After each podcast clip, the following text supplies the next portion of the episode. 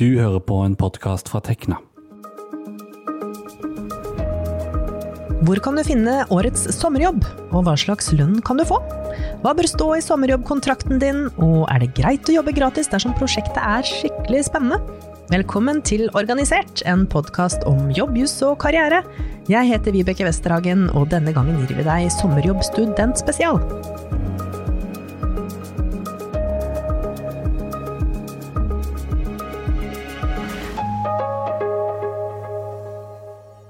Ved siden av meg her i studio så sitter du, Anne Katrine Hunstad. Du er leder av juridisk kontor i Tekna, Teknisk naturvitenskapelig forening, og hvert år så får du mange henvendelser fra studentmedlemmer om sommerjobb. Hva er det de lurer på? Ofte så sender de inn eh, kontrakten de har fått, eh, kontrakten fra arbeidsgiver for sommerjobben. Eh, og da vil de at vi skal lese gjennom den og sjekke at den inneholder alt som en kontrakt bør inneholde.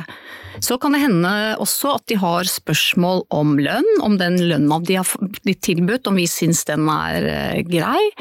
Så kan det hende at det er forhold som har oppstått underveis som de også ønsker at vi skal uh, ta en titt på og se på, om, om, vi har noe råd i forhold til situasjonen som har oppstått. Hmm, og dette skal du fortelle mer om, men først, hvor er det man finner en relevant sommerjobb? Ja, da tror jeg jeg må si at de, de, bør søke først på disse alle store disse jobbsøkerportalene, sånn som øh, finn.no, nav.no, LinkedIn tror jeg er veldig relevant. Uh, TU har også en, en sånn jobbsøkerportal. Uh, så tror jeg de aller fleste, som jeg kjente til i hvert fall, har vel fått sommerjobb gjennom bekjente, så nettverk tror jeg er veldig viktig. Eh, så tror jeg det å Hvis du, hvis du veit hvor du har lyst til å jobbe, så ville jeg oppsøkt de virksomhetene, enten sjekket eh, hjemmesiden og se står det noe der, søker de, skal de ha noen sommerprosjekter, skal de ha eh, studenter til sommerjobb, og, og sjekke ut det også. Det tror jeg også ville jeg gjort. Men trenger man ikke litt avkobling da? Altså Litt nedstressing og ferie og sånt, det bør man vel ha godt av. Hvorfor bør man bruke sommeren til å jobbe egentlig? Jeg tror, ja, jeg tror, veldig mange trenger penger, for å være helt ærlig. Man trenger noe å leve av i, eh, om sommeren også, når studielånet har tatt slutt og det er liksom åtte uker til uh, du ser noe fra Lånekassa igjen.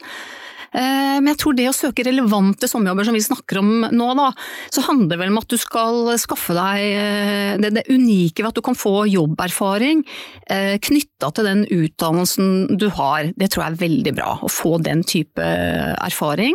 I tillegg til at du lærer deg noe om samarbeid. Hvordan fungerer du sjøl i, i, et miljø? Så det tror jeg, jeg tror det er bare, bare positive erfaringer å, å, hente ved å prøve å skaffe seg en relevant sommerjobb. Og så kanskje, særlig hvis du har fått sommerjobb et sted du har lyst til å jobbe seinere, så har du muligheten til å selge deg inn der.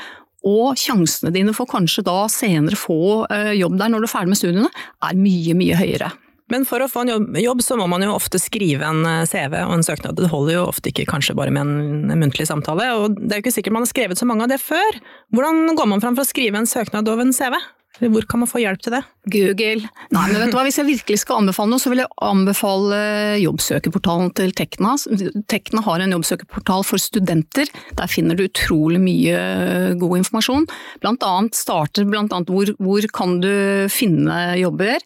Eh, hvordan kan du sette opp en LinkedIn-profil som student. Eh, vi har noe som heter CV-byggeren, og det ligger litt i navnet. Det er rett og slett hvordan bygger du opp en CV. Eh, der kan du få hjelp altså trinnvis hvordan du skal skrive en CV, og ikke minst så kan du få en tilbakemelding på den CV-en du har laget, og søknaden din. Der har vi god rådgivning som gir deg gode input både på CV og søknad. Så det må jeg bare oppfordre til å ta, å sjekke ut uh, Tekna sin jobbsøkerportal for studenter. Det hørtes veldig nyttig ut. Men altså, jeg husker at jeg hadde min første sommerjobb da jeg var 16 år, og da jobba jeg med rengjøring på et hotell. Trenger det å være en relevant sommerjobb for å være en god sommerjobb? Nei, det gjør det ikke. Jeg vil si at eh, alle, alle, bør egentlig skaffe seg en jobb, nettopp for å skaffe seg jobberfaring. Finne ut hvordan er det du fungerer i arbeidslivet.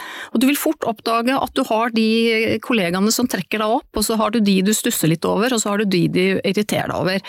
Og er, du skal jo være i jobb veldig, veldig lenge, så det å skaffe seg erfaring, det tror jeg er helt uh, unikt og veldig, veldig viktig. Jeg lærte iallfall veldig mye av den uh, sommeren på hotellet, og det er en uh, det var en utrolig tung jobb, så i dag så legger jeg alltid igjen litt liten oppmuntring til de som gjør rent i rommet, enten litt penger eller sjokolade eller noe sånt. Men reporter Joakim Nyquist, du er også her i studio med oss. Hva slags sommerjobber er det du har hatt? Eh, Du, jeg har gått med avisa, jeg har jobbet i kiosk, eh, flippet burgere på Tusenfryd. Det var ikke Det var ganske tungt, det også. Altså, Idoldag på Tusenfryd, det er ikke alle forunt. altså, I tillegg så har jeg gjort småarbeid for en radiostasjon. Og en sommer så reiste jeg faktisk fra T-banestasjon til T-banestasjon i Oslo for å måle om de var universelt utformet. Jøss, det var jo litt spesielt. Du har laget en reportasje for oss.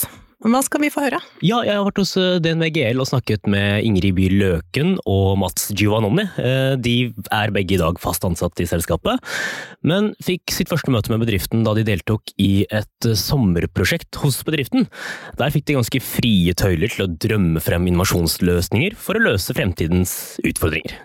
Det var da en app hvor du kunne mm, skanne produkter på butikken, og så skulle du da liksom ja, skulle vise en sånn transparent verdikjede helt fra, fra produktet begynte å bli til, og transport og alle ledd underveis til det, til det var i butikken. Og så skulle man kunne måle det på egentlig alle FNs bærekraftsmål, eh, både når det gjelder menneskerettigheter og CO2-utslipp osv.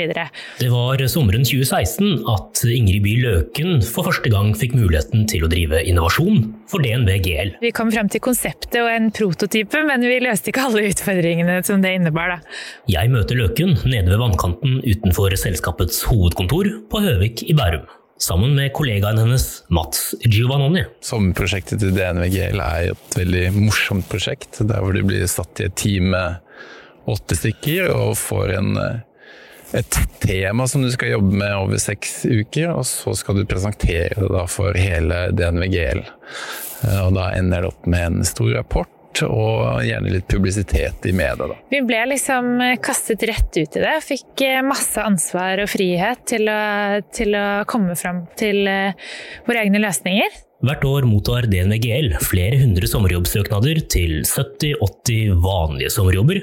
Og selvfølgelig til det ettertraktede sommerjobbprosjektet, som gir åtte mastergradsstudenter på fjerde året muligheten til å drive fremtidsrettet innovasjon. Løken og Giovanni var blant de heldige som fikk prøve seg henholdsvis i 2016 og 2017. Vi skulle se for oss hvordan akvakultur i fremtiden kom til å se ut. Og vi fant opp en selvkjørende container som skulle frakte fisken til havs. Vi hadde nok noe for høye forventninger til hva som kommer til å skje på teknologiutvinningsfronten, men det var et morsomt konsept, og vi hadde for så vidt veldig frie tøyler til å gjøre hva vi selv ville gjøre. da. Noen av konseptene fra sommerprosjektene har blitt videreutviklet. Men målet er ikke nødvendigvis at det endelige produktet skal ut i markedet. Så hvorfor gidder de da å bruke ressurser på det? Jeg ringer Elisabeth Haugsbø. Haugsbø, som er senioringeniør i DNVGL, jobber til daglig med å forhindre at hackere lykkes med å bryte seg inn i datasystemer. For øyeblikket befinner hun seg i Singapore, men hun tar seg tid til å slå av en prat om sommerprosjektet, som hun selv ledet i 2018. Du får inn friskt pust av nye øyne som kan se på forskjellige typer problem, eller det å bare få fletta inn noen som, som ikke er på en måte farga av, av næringslivet enda det er gull verdt. Haugsbø mener at sommerprosjektet er en flott arena for å utvikle praktiske ferdigheter, men som med sommerjobber generelt, har det en kanskje enda viktigere funksjon å gi et positivt møte med arbeidslivet. Det jeg håper det sitter igjen med, er jo det der med at vi kanskje føler um, mestring. At de gleder seg til å begynne å jobbe fordi at arbeidslivet virker kult og, og kjekt og masse kule kollegaer. Utfordrende, men på en bra måte. Det er jo derfor en, en blir ingeniør, ikke det? Fordi at en, en har en sånn gryende entusiasme for, for fag og, eller for teknologi, eller ja. Jeg håper at en kan forsterke det på en, på en god måte.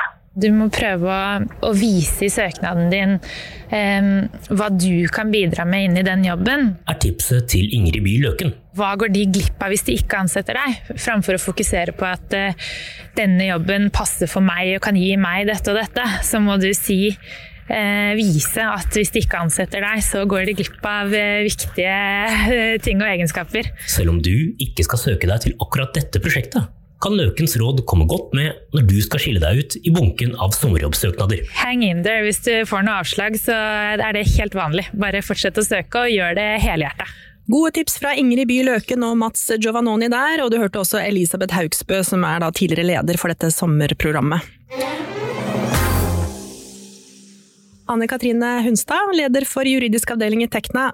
Når kan man søke seg til en, relevant sommerjobb, syns du? Altså Hvor langt i studiene bør man ha kommet? Du vet hva, det, det, er det ikke noe Jeg vil ikke si at det er noen grenser her i det hele tatt, men jeg tror det er mest realistisk å få seg en relevant sommerjobb når man begynner å nærme seg på slutten av studiet, altså siste år eller de to siste årene, tror jeg det er mest realistisk å få, få, en relevant sommerjobb. Men det er ikke noe i veien for å prøve? Nei, absolutt ikke. Altså, jeg bare anbefaler å gå etter det du har lyst til. Er du engasjert og har et eh, drive, så gå, gå etter den jobben du vil ha. Mm.